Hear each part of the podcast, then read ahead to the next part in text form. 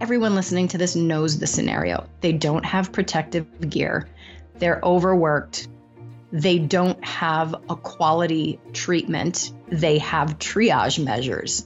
They don't have a cure for this. So now you've got healthcare workers asked to do their mission, which is to help heal people, knowing that they can't, knowing that if you don't get a bed and a ventilator, you're done. Who supports them? Because we're asking them to support us. We're asking healthcare workers to support us no matter what the cost to them, no matter what the inconvenience, no matter what the uncertainty, no matter what the price. That was Lisa Wimberger, and you're listening to episode 169 of the Building Psychological Strength podcast, where we uncover the information, tools, and techniques to turn our mind into our most valuable asset. The courage to face fears with persistence. Being able to be present enough in this moment to choose my response thoughtfully. We have the strength to bend to life stressors, to bend to adversity without snapping, without breaking. There are only six things that contribute to our quality of life, and they are all experiences. In every moment, we are deciding who we want to be and how we want to live our lives noticing what your brain is doing and then being able to make choices. Mobilize the things that we know lift us up. Fear is not logical, it's primal. Hey everyone, welcome back to the Building Psychological Strength podcast. My name is April Seifert and I'm your host. You know, we've been doing a lot of episodes recently that have focused on various aspects of the COVID 19 situation that we are all experiencing. We've done episodes focused on uh, mindfulness and the impact of meditation. We've done episodes focused on tips and tricks for parenting and relationships during this time. But today, I want to do a very special episode. The goal of today's episode is to focus on a very important group of people, and those people are our healthcare workers. You know, it's no doubt that healthcare workers in the United States are in an incredibly difficult situation. And the situation that any individual healthcare worker is in is likely varied. So, whether you're in a place where the COVID uh, cases have begun to spike and your days are extremely full and busy and stressful and uh, scary and uncertain, or whether you're in a place where the cases haven't yet spiked and you're facing um, just the the purgatory and uncertainty and uh, you know difficulty around just waiting for something that you know is coming. Um, this episode is absolutely for you I want you to know how much we at Peak Mind appreciate everything that you're doing as a healthcare worker to stay on top of some a situation that is changing seemingly by the minute, to do the best that you can with so little resources and so little information. And because of that, we wanted to put this episode out with a bit of information and support for you. Today, I am excited to bring on a guest that I've had on the podcast in the past. Her name is Lisa Wimberger. She is the founder and the creator of the Neuro, uh, Neurosculpting Institute. And her institute really focuses on teaching people how to use this technique called neurosculpting that she developed in order to um, sort of rewrite some of the automatic threat patterns that our minds create over time. Now, in normal circumstances, these techniques are extremely powerful. They she has combined the best of the best from just straight and pure meditation, which is an incredibly powerful technique, but she's also brought in methodologies from the field of neuroscience to help activate intentionally certain parts of the brain so that it's learning in the most effective way possible and helping you to regulate yourself on a on a nervous system level. Um, we're going to talk so much more about it in this episode, but I have to say that I have used this neurosculpting approach in the past, and it has led to such an incredible transformation for me in my life. Lisa originally developed this technique with first responders in mind, with police officers and EMTs and emergency department and hospital workers in mind. And you can see why, because of that, she was the first person I thought of when I knew that I needed to make an episode specifically to support America's healthcare workers. So, to every healthcare worker out there, I see you, and this episode is absolutely for you. Please give it a listen. Please share it with other people who might benefit from some of the techniques and the tools that Lisa shares. The last thing I'll say before we dive into this episode we are continuing our efforts to help people thrive through this uncertain and difficult time. Um, and we're doing that with bi weekly psych strength building uh, workshops. This is twice per week, Mondays and Thursdays. Um, you can get access to these workshops. And even if you can't join us live, we're posting every single replay. So you can get access to the replays from all of the workshops that have happened already by joining the Peak Mind Starter Pack. We needed a place to put all of these replays. And so we're deciding to put them inside their own module in the starter pack. So if you go to peakmindpsychology.com backslash start or peakmindpsychology.com backslash starter hyphen pack. I'll put those links in this episode description. Um, you can get access, just sign up for this free module. There's a bunch of other stuff in it that's really great, but you'll get access to these live virtual psych strength building sessions twice per week Ashley and I are hopping on and we're teaching directly in these sessions. We're taking questions um, and we're helping you through a time that is so difficult and so uncertain for so many of us. All right. I want to dive into this episode because I don't want to waste any more time with me blah blahing. I am absolutely thrilled to introduce all of you to Ms. Lisa Wimberger. Lisa, I am absolutely thrilled that you have been able to hop on to the Building Psych Strength podcast under such short notice because given what we're going to talk about today, you are the absolute perfect person for us to be talking to. So thank you so much for being here. You're welcome. It's absolutely my pleasure right now. So, for folks who haven't been following me since, I mean, almost the very beginning, Lisa has actually recorded with us in the past. This is before I rebranded and focused the podcast on psychology uh, related topics. But Lisa's original episode was episode 52. I'll link it up in the show notes of this. And she has this incredible background in something called neurosculpting. And in her original episode, we give a really deep dive into what it is, and in particular, how it helped me during a very difficult time of my life when I was overcoming postpartum anxiety and postpartum depression. I am a wholehearted believer in the techniques and tools that Lisa has developed. And so I knew that I needed to bring her on today to talk to us specifically in the realm of healthcare professionals and the unique situation that they're facing right now. But before we dive into all of that, Lisa, I would love it if you could give us a quick background on what neurosculpting is, because it's more than just meditation and it's more than just um, other mindfulness techniques that people might have heard about. So I'd love for you to give us kind of the quick overview of it. Yeah. Okay. So the quick story is I was a trauma survivor, although the trauma was very invisible. And um, I was also a meditator, and those two things existed side by side, and one did not help the other. And so, after years and years of a seizure disorder based on this trauma, um, I decided that I needed to learn about my body and my brain and my nervous system because uh, the metaphysical approach wasn't helping me. I needed science.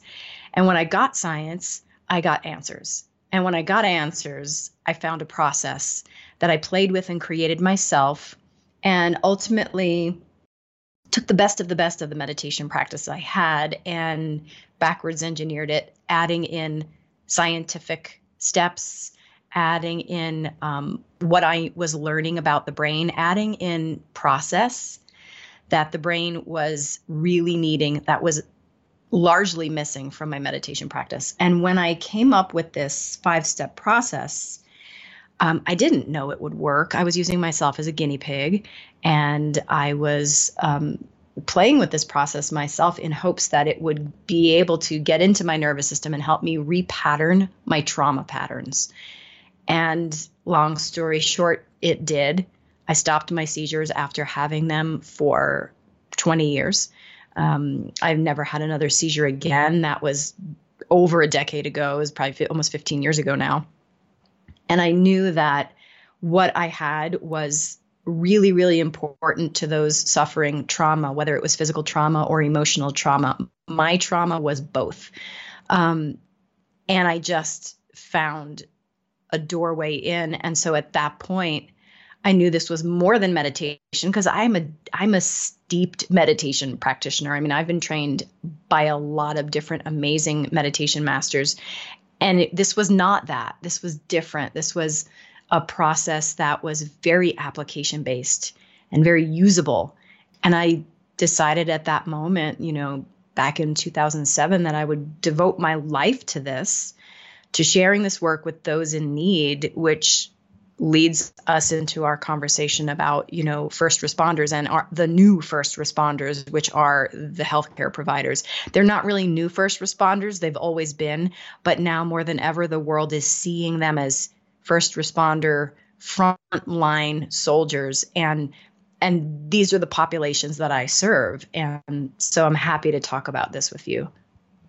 What I love about neurosculpting. And I also have uh, practiced meditation for quite a while and I'll I'll rely back on my own experience before we dive in specifically to again healthcare professionals and other folks who are very much at the front line of what's happening right now with COVID-19 but my own experience um, I I as well I couldn't meditate away what meditation has helped me in a million different ways in my life, but that particular situation, the anxiety and the triggering um, just panic that would come with postpartum anxiety and depression was something that I couldn't meditate away.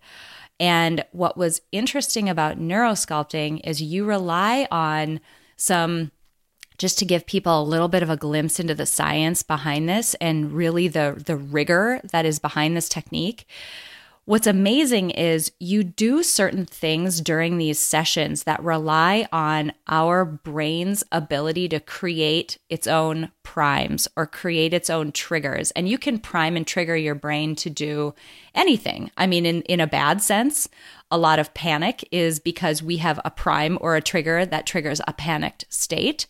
You can also prime and trigger your brain to move in the other direction in a direction of calm and in a direction of ease. So there's some of that in this process. There's some crossing over and activating certain areas of the brain by adding in elements of a little bit of surprise and almost storytelling and these aspects of the the very specific technique that you use that really makes sure the part of the brain that needs to be active right now make sure that it is active and that it's engaged and learning what we're asking it to learn. And it, it was remarkably fast, meaning within two weeks of me reading your book and two weeks of me practicing neurosculpting, my husband just out of the blue one day said, What did you do? You're different now. Like, wow. you are not panicking in the way that I used to see you. What happened?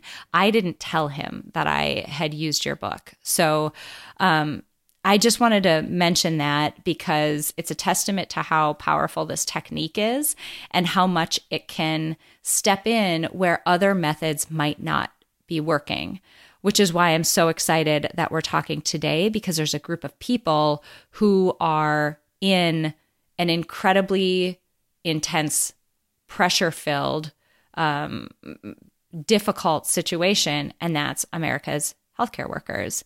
Um, and I wanted to make sure that we put some tools out there for all of you. Absolutely. You know, you you actually explained that in a way that I took some notes. so thank you. well, it's interesting because so much of psychology like it bleeds over like there's aspects of clinical psych there's aspects of neuropsych and there's aspects of cognitive psych that we're all basically talking about the same phenomenon but there are multiple yeah there are multiple mechanisms through which it work and each branch of psychology has their own way of describing it so what i would love to chat about is just to give a quick nod to the situation that you know the healthcare workers in the U.S. are in. Um, your a lot of your family is in New York, and that's a very different situation than where than what we're in in Minnesota. So maybe I'll give a quick overview of where we're at in Minnesota, and maybe you can talk a bit about New York. And it's really two situations that are both different but extremely difficult. So in Minnesota right now, we are sheltering in place as of when this is recorded. So this was recorded on April 5th. Um, we're sheltering in place. We've been practicing social distancing for a number of weeks. Uh, we know we have a number of weeks left, at minimally. And right now, that means that our hospitals and our emergency departments are ghost towns compared to what they typically are we haven't experienced the surge of this virus that we've seen in other parts of the world and other parts of the US. But if you put yourself in the perspective of a healthcare worker, this means that they know that an extremely trying, difficult time is coming but there's literally nothing they can do about it right now. They're reading, they're preparing, they're learning as much as they can from other places. But if you've ever been in the position where You've known you had to do something difficult and you're in that really difficult anticipatory period.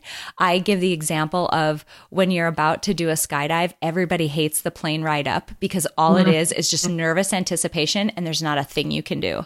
Mm-hmm. You're just sitting there like you're a sitting duck waiting for something to happen. If folks listening to this, if you're not a healthcare worker, you can probably relate to times when you've been in that position where like you can see the train coming and you're just waiting for it and it's excruciating. You know, as, you're this, as you're saying this, I have to interrupt. I have the scene from um, uh, the scene from uh, Game of Thrones where they're just waiting and winter is coming and they're waiting that was the single scariest scene in the entire series for me was when they were waiting for the army to approach. And that's exactly what you're describing. A hundred percent. This anticipatory period is so difficult because it is just plagued with uncertainty where you think like you've seen other people go through it, but you don't know what it's going to be like yourself. And you're like, you have all this nervous energy and no real active way to use that energy. So you're sitting here, um, you know, reading and doing the best you can with very little control over the situation. And so that's one group of healthcare workers that if you are in this situation, I want you to know that we see you and we see it happening. And I want you to feel validated that this is a really difficult position that you're in. Um, it is not that, oh, you should just enjoy it while it's quiet. Um, you're in a really tough position right now. And we want to acknowledge that. Lisa, Absolutely. Lisa, you're in New York. Um, your situation's very different. Can you talk a little bit about that side of things? Yeah. And actually, um, so I'm in a little bit of a middle ground because I'm in Denver, but I'm from New York. My whole family's in New York.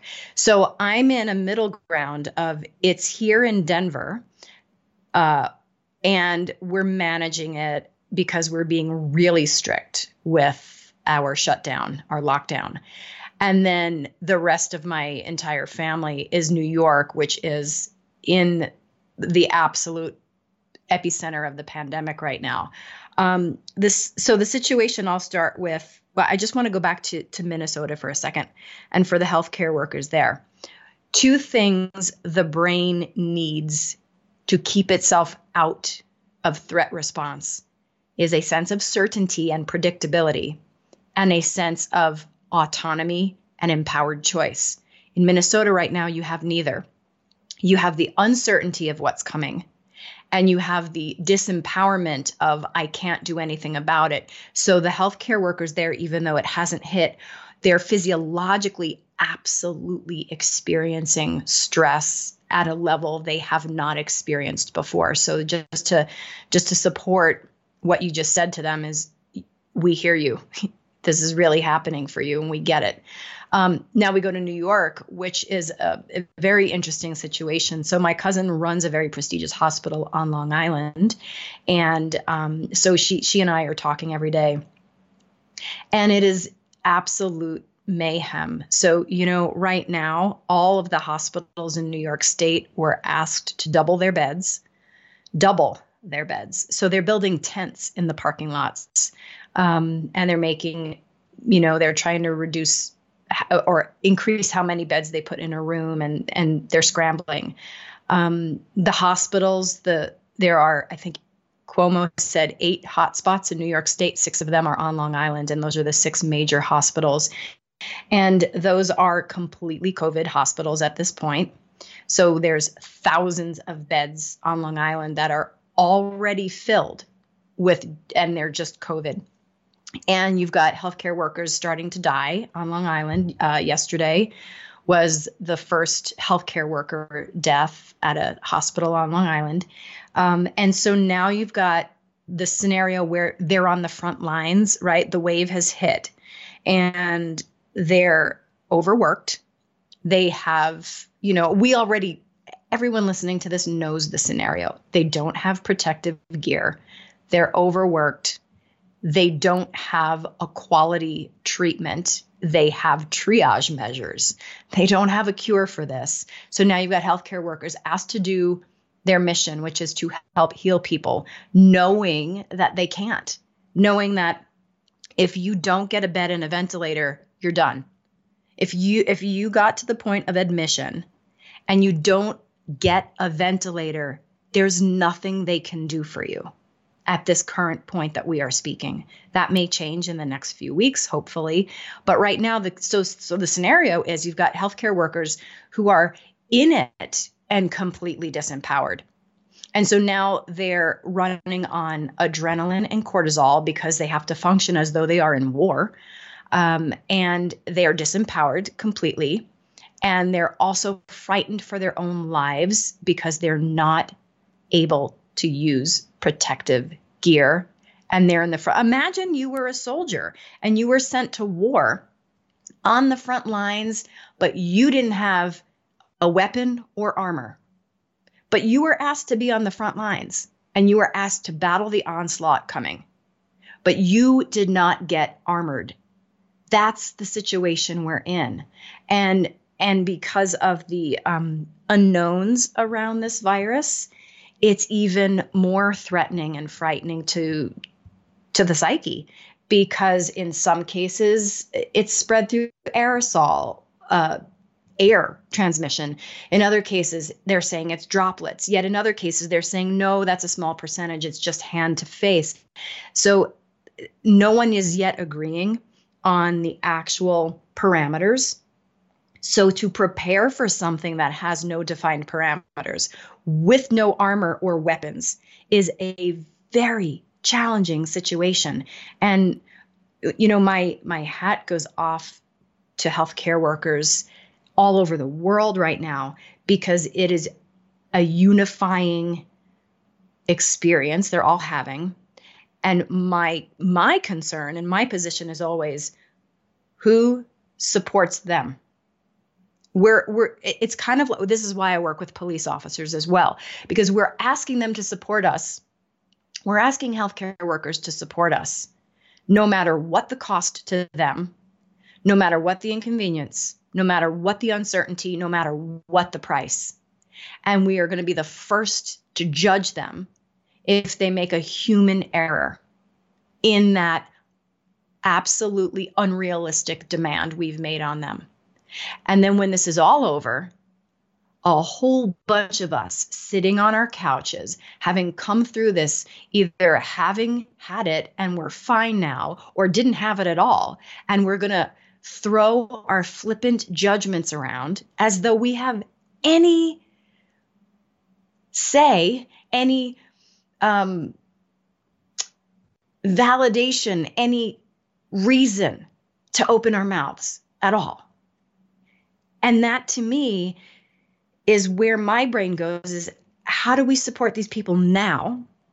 And then how do we shut up and support them later? Right? Like, I mean, I get very passionate about this stuff. But so many of us, including myself, we have judgments. And there's there's no place for that right now. There's no place for our um, frail egos to try to grapple with being right or wrong. There's just no place for that. The only thing that we have um, that matters that's in front of us is we have unprecedented imminent death across the globe. How are we going to move through that with the highest level of health, well being, and with tools and techniques that are going to prevent us from going into a collective PTSD cycle after this is all over?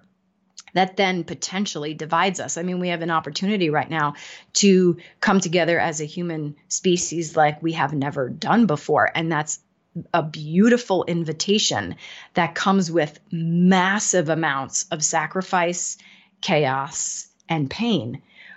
But it doesn't have to be the inevitable. This ends to the demise of all things, all systems, all people. It, it could be a different story, but it won't be a different story if we don't put in place practices that are outside our personal agendas, our political agendas, our financial agendas, and our egos to say, oh my God, people are dying in hallways, in hospitals, not in third world countries, but in first world countries, in all countries.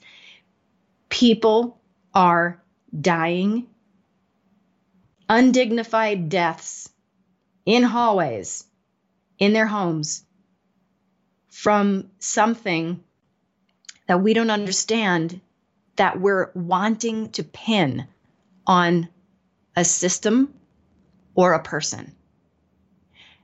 None of that's helpful. So, so in my work with first responders, you know, my my impetus to work with first responders in the first place, which was back in 2007, which was police officers, was this idea that whatever your beliefs are around a system, an industry, or a person, if you're going to ask slash demand that those people protect you and serve you, well, then you have to have a give back. And my thought at the time was I want to give tools of emotional regulation to the people who had fingers on the trigger of loaded guns. To me, that sounded like the most rational, best thing I could do as a give back to my community. If I'm going to want and hope that in a moment of profound crisis, I dial 911, someone actually shows up and puts themselves in harm's way to help me, I have to give back. And so for me that was they need emotional regulation. And and that had extended from police to military to emergency workers. And now all of the healthcare industry can be considered emergency personnel. And it is the same give back. Um, if we are healthy individuals quarantining in our homes um, there's a couple simple things we can do. The first is turn off our damn opinions and just start thinking proactively and positively and with just a little bit of gratitude for the collective of people who are putting themselves and their families in harm's way to deal with a barrage of sick people that they have no capacity to help. The second thing is to do do our parts in helping mitigate the flow of disease into the hospitals. Um, and whatever that is for you and your state and your country. Um, that's the other thing we could do.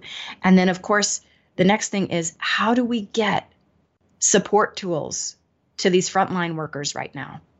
And, you know, as I'm talking with my cousin on Long Island, I reached out to her last week and I said, What do you have in place? And she said, Nothing meaning support for their people. She said nothing. And so I pulled a few meditations from the Neurosculpting Institute uh, archive. And I said, Can you please, in an email, get this out to the entire staff?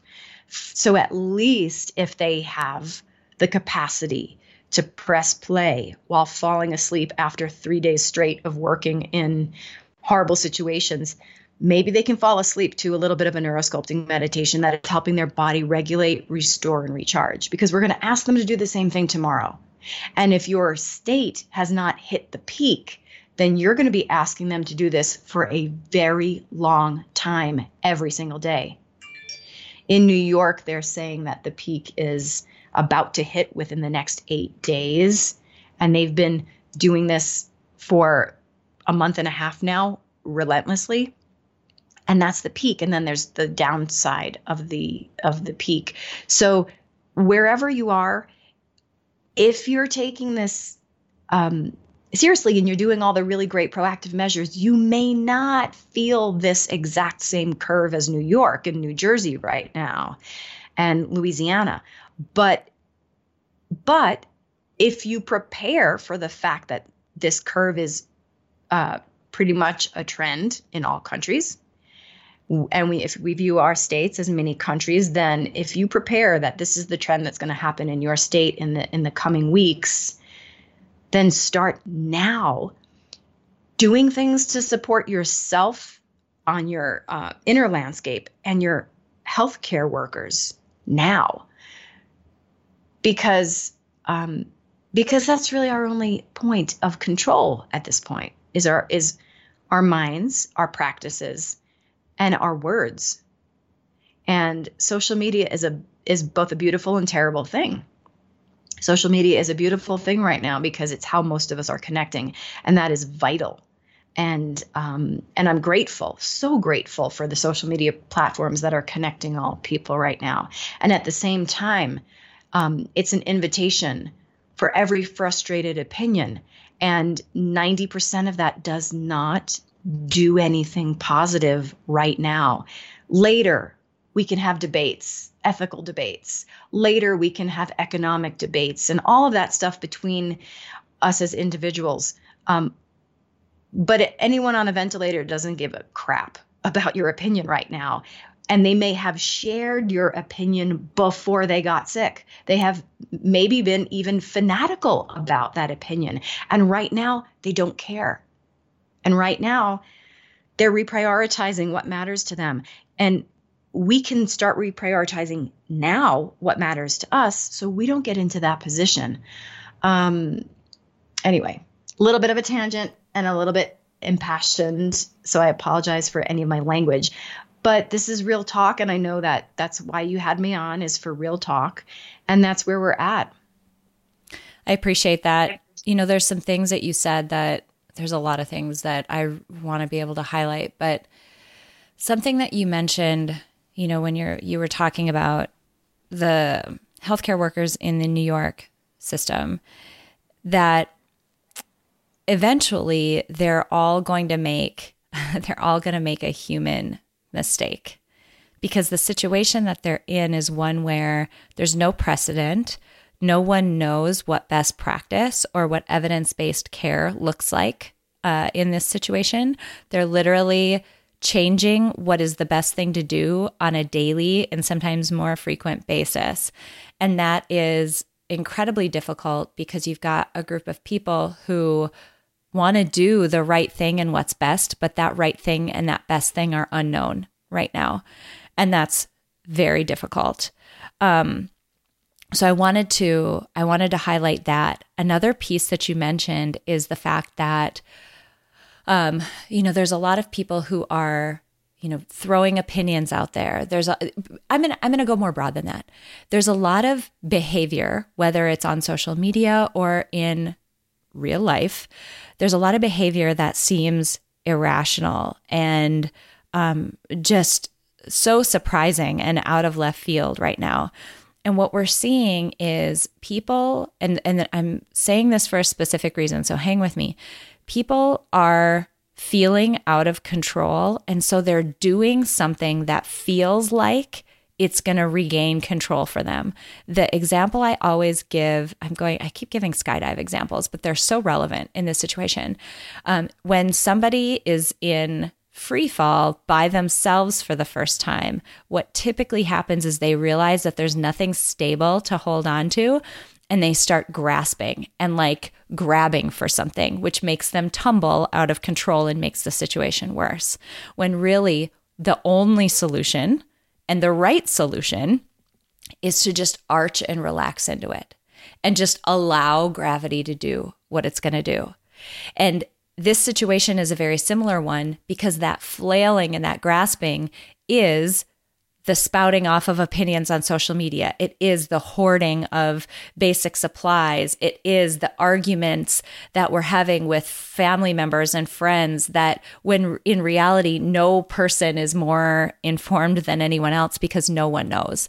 So it all feels like we're doing something that's inside our control. But to use my co-founder and peak mind ashley's words people are trying to focus on controlling the things they can't control when, to your point, Lisa, and again to quote Ashley, the one thing you can control is your own mind and your own response and how you are setting yourself up to be as solid as possible in a very difficult circumstance. So I'm excited to talk a bit about some uh, just tactical things that healthcare workers, for sure, I want you guys listening up right now, um, but other people as well. This will help you too. Techniques and tactics that people can use to strengthen that resolve, to you know, calm their nervous system, to put them in a position where they are um, responding more deliberately and also shielding them from. I love that you mentioned the potential for PTSD because mm-hmm. Wow, is that ever here right now um, mm-hmm. to help buffer against that. I would love for you to talk a little bit about things that people can be doing right now to protect themselves from all of that. Yeah. Um, I always like to take a physiological approach because if you are a human being, then these rules apply to you. And I like to start from the least common denominator because that's a unifying place. So we're going to talk about a mammalian body. You, if you're listening to this podcast, you have one. And that human body has a central nervous system. And that central nervous system plays off a very uh, basic set of rules in all human beings. And that is this when it is in stress response, that helps you get productive in the moment or self protective in the moment. And when the moment's over, it's supposed to regulate back to homeostasis.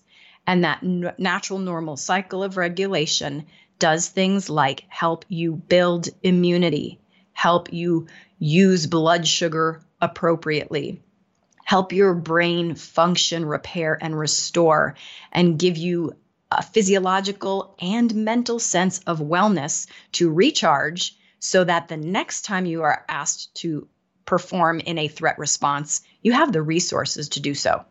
That's what's supposed to happen. What happens for most of us in any situation of stress, but in particular now, is that we're asked to perform in a threat response. Uh, the world is in a threat response right now, and it's warranted. But if we don't find and make moments of physiological downregulation, the body will not restore and repair, nor will the mind.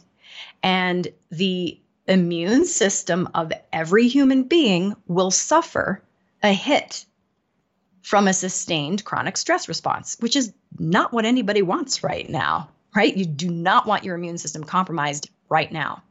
Um, your mindset will start to tailspin in a direction of hypervigilant threat response. So if you don't downregulate, you're going to go to bed at this baseline and you're going to wake up at this baseline. And to function throughout your day, you're going to have to escalate to motivate. So we're going to see a, a, physiological sort of addiction cycle to adrenaline and cortisol, where in order to function and rally in the face of threat, I need to spike my threat response just a bit higher. So I rally instead of throw my hands up, give up, and get depressed.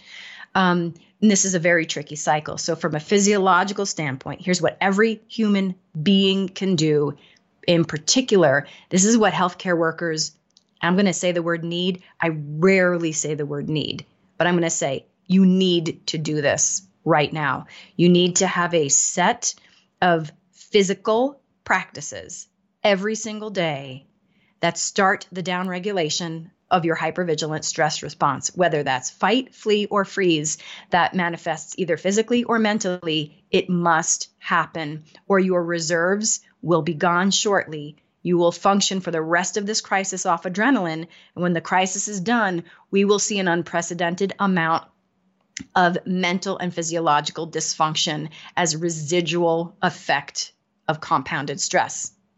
So, here's what you can do you can take time every single day to do some exercises to tune your vagus system. Your vagus nerve is a major nerve, it's a bundle of nerves that regulates all of your organs in response to stress.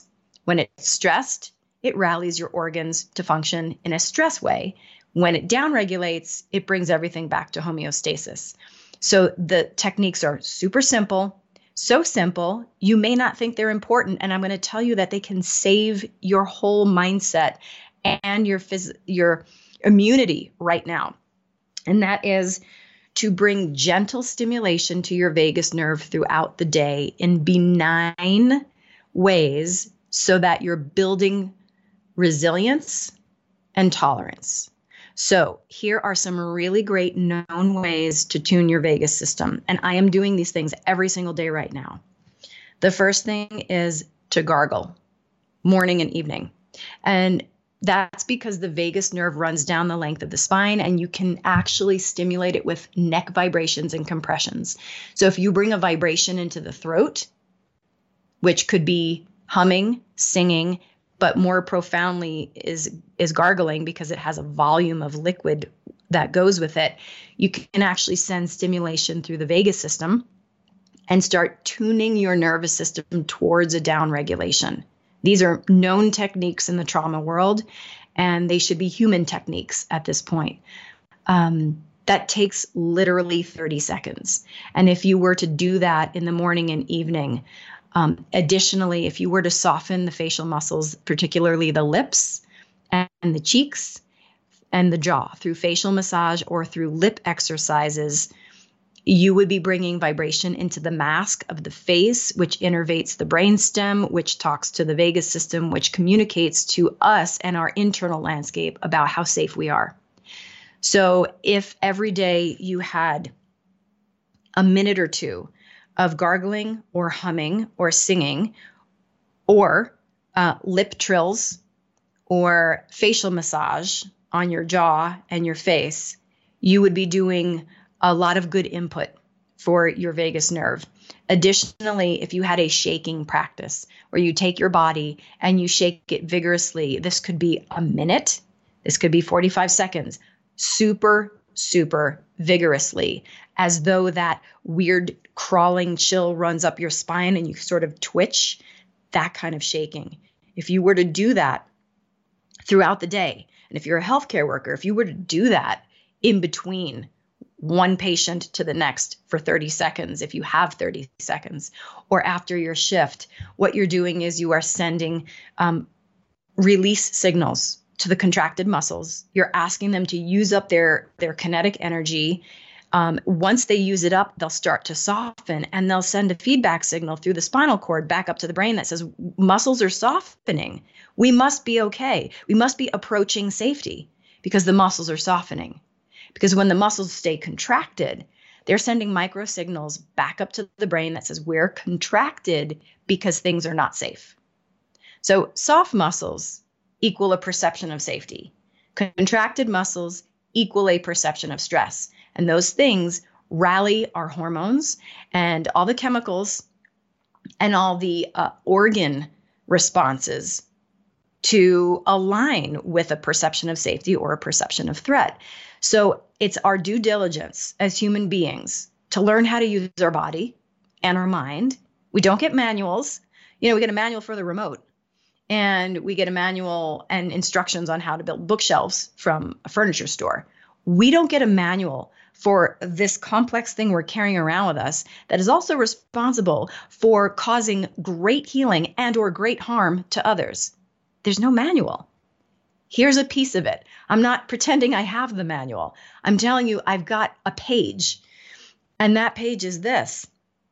You must use physiological practices to downregulate your most primitive nervous system so that when you leave the hospital or the bedside or you turn off social media, you can move your body towards homeostasis so it can do what it needs to do to get you to face tomorrow with health and wellness, which is rest and restore. If you go to bed without doing that, you're not going to use sleep to its highest purpose. And you are going to start functioning at um, a deficit very, very soon. So, those are the physical practices. I use them every single day, whether I feel like they're working or not. It's like in my mind, it's like I brush my teeth, I do my shaking, I gargle, and I do it again and again and again throughout the day. And um, and that's how we have to treat our nervous system is it's not going to give us a grand statement every time we do something good for it and, and make us feel euphoric. That's not what it's going to do. What it's going to do is take everything we offer it and compound that. So these micro introductions of vagal toning will be compounded over time towards regulation and restoration. And those that's where i'm at with you don't have to think the world is rosy and beautiful. You don't have to put your head in the sand or be utopian. You don't have to worry at this point about changing your mindset. That can come later. What you can do now is bring in these practices, which over time will absolutely condition your mindset. But many of us cannot move our mindset right now, and that's totally understandable. But you can move your body and you can give it what it needs to give you the conditioned foundation of eventually changing your mindset, which will change your behavior, which can change systems and people. I love it. There's two things I want to say. One is that, you know, you mentioned people are going to hear these techniques and they're going to think this is too simple. This is not, there's no way this can work. Something we say all the time.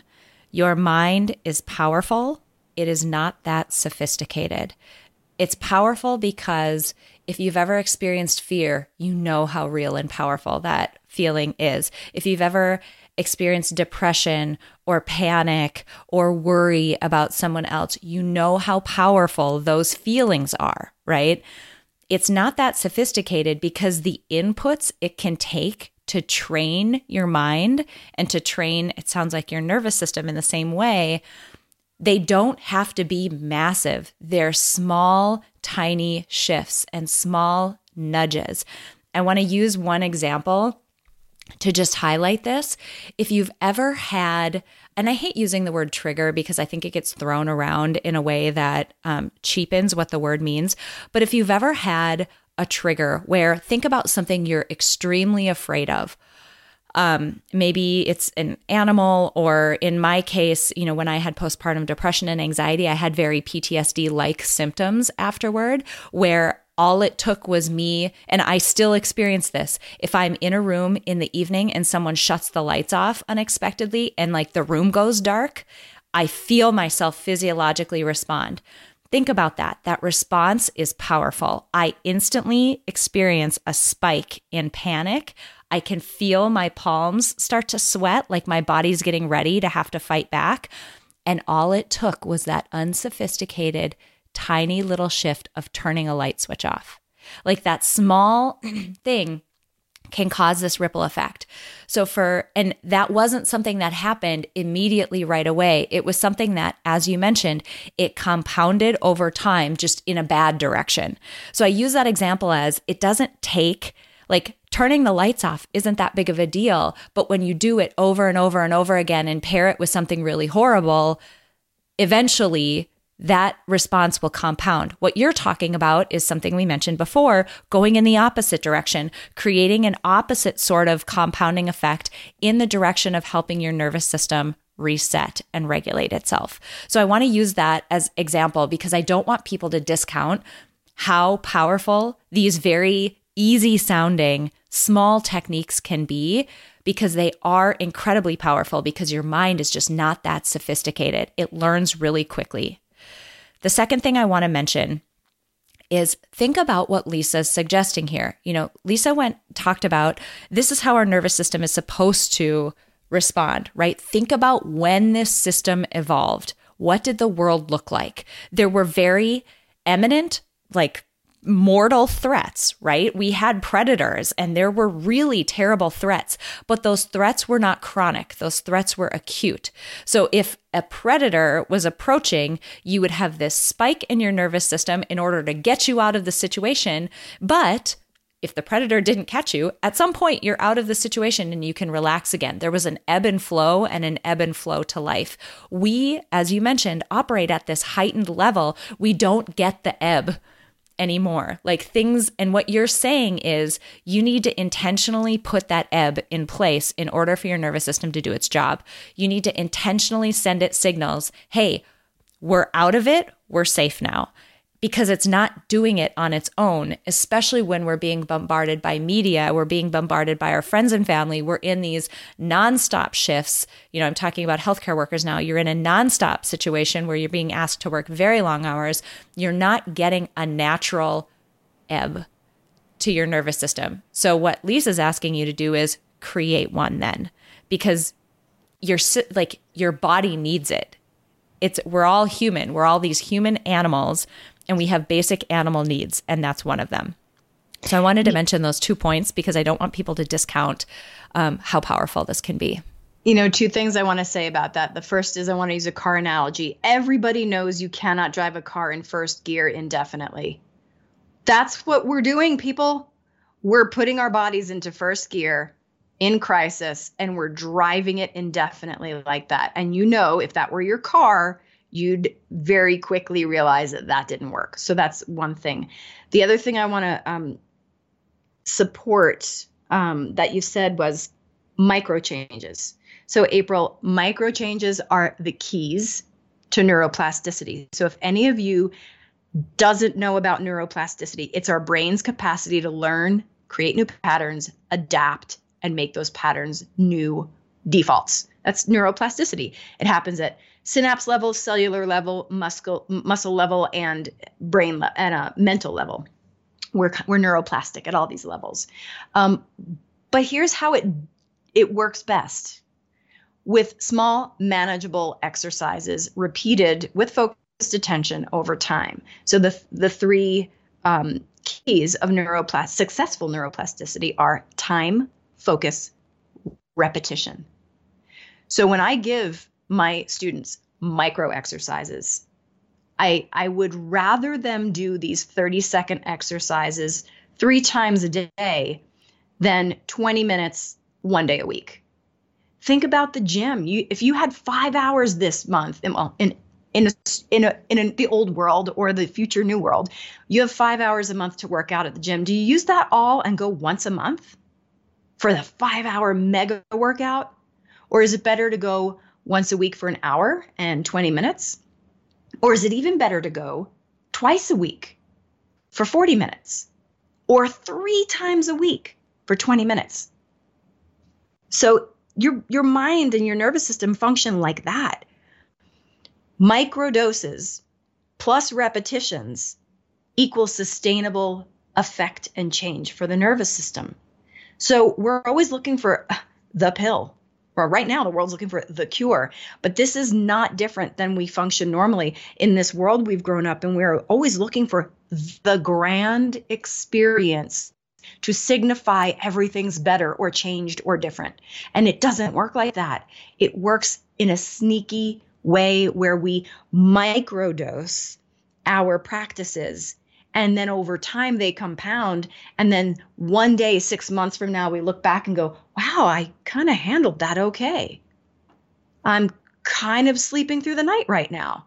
That's how it works. So if we understood that if all of us really understood that then these simple practices would actually be done in our lives every day. And we'd, we'd regulate because of it to the best of our capacity. Mm-hmm. I love it. Um, as we're wrapping up today, I have to ask you for your definition of psychological strength because you're hitting on so many cool things with what you just said. Uh, psychological strength for me is the capacity to adapt. That's it. Ah, uh, that's it. That was so Adapt- simple and so perfect. Adaptation. That's so perfect. Um, one thing I want to highlight for folks, and then I want you to give some information about where people can find you. Um, Lisa has this incredible book uh, called Neuro uh, Neurosculpting. Uh, what's the the subtitle yeah. on it? The subtitle the is blue one. A whole brain approach to heal trauma, rewrite limiting beliefs, and find wholeness. Yes. Okay. Get that book. But here's my pro tip. Um, if you like to hold a book in your hands and underline, I'm one of those people. Sure, get the physical book.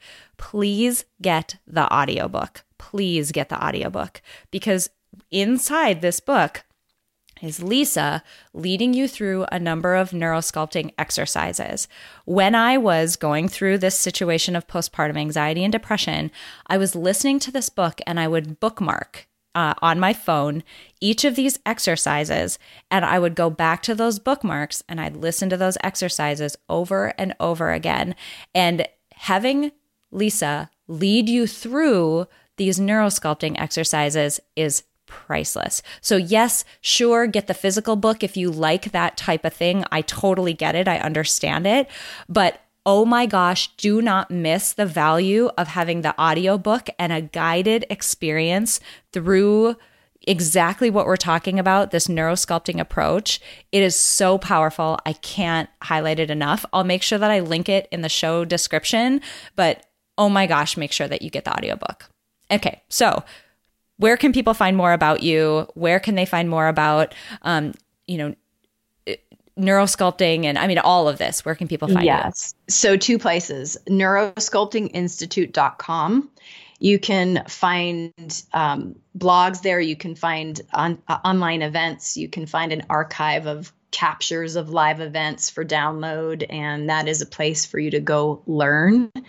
Uh, and then a brand new app that we are launching this week called Neuropraxis, and that would be neuropraxis.com. N E U R O P R A X I S dot com. Um, that is just now launching, and that is an interactive app where it's it's um, a suite of neurosculpting modules and meditations, much like the audiobook that April was talking about. But this would be a little bit more interactive. You could make notes, you could favorite your um, particular favorites, and you could set calendar reminders.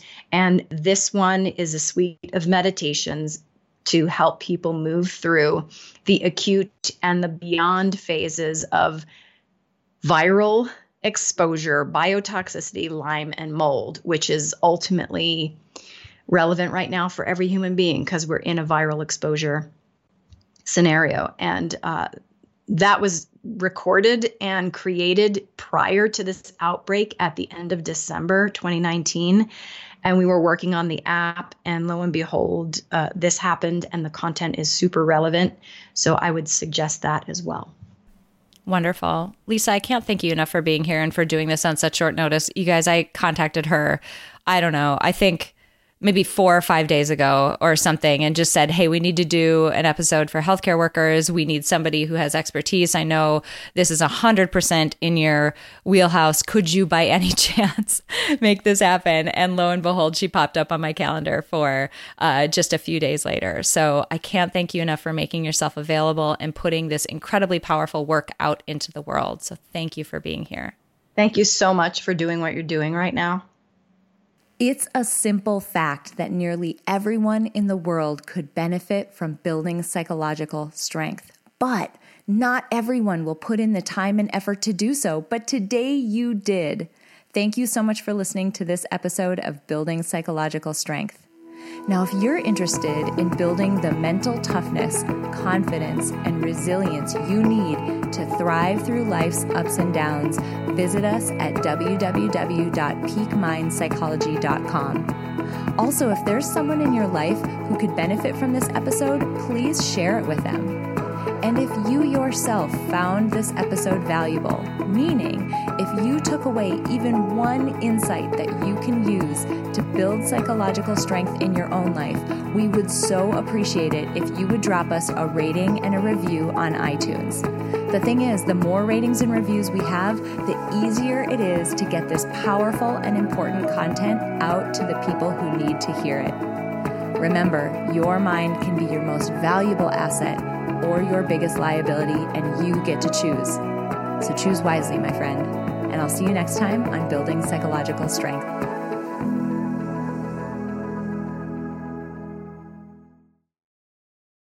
At Parker, our purpose is simple.